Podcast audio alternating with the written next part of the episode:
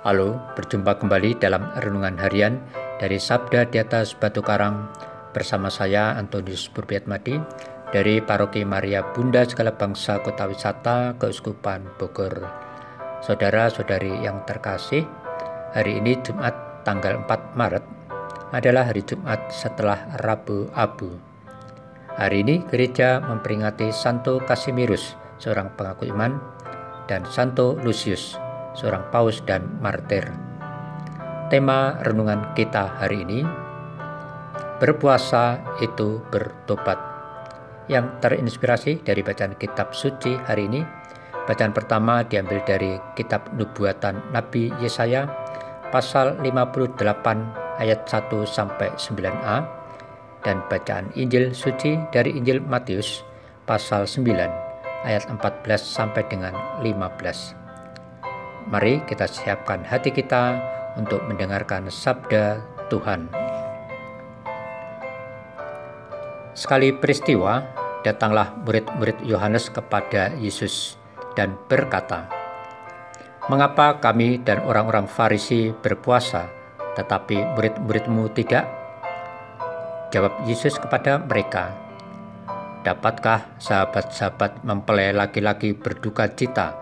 Selama mempelai itu bersama mereka, tetapi waktunya akan datang, mempelai itu diambil dari mereka, dan pada waktu itulah mereka akan berpuasa.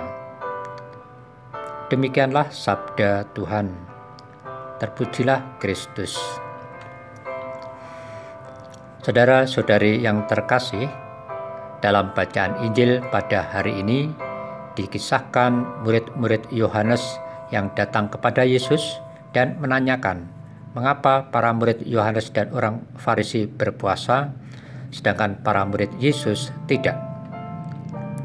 Menanggapi pertanyaan mereka, Yesus menegaskan bahwa hal berpuasa itu bukan soal tradisi, ajaran agama yang dilakukan secara lahiriah, melainkan adalah masa untuk melakukan pertobatan dari sikap keberdosaan diri, kesombongan diri.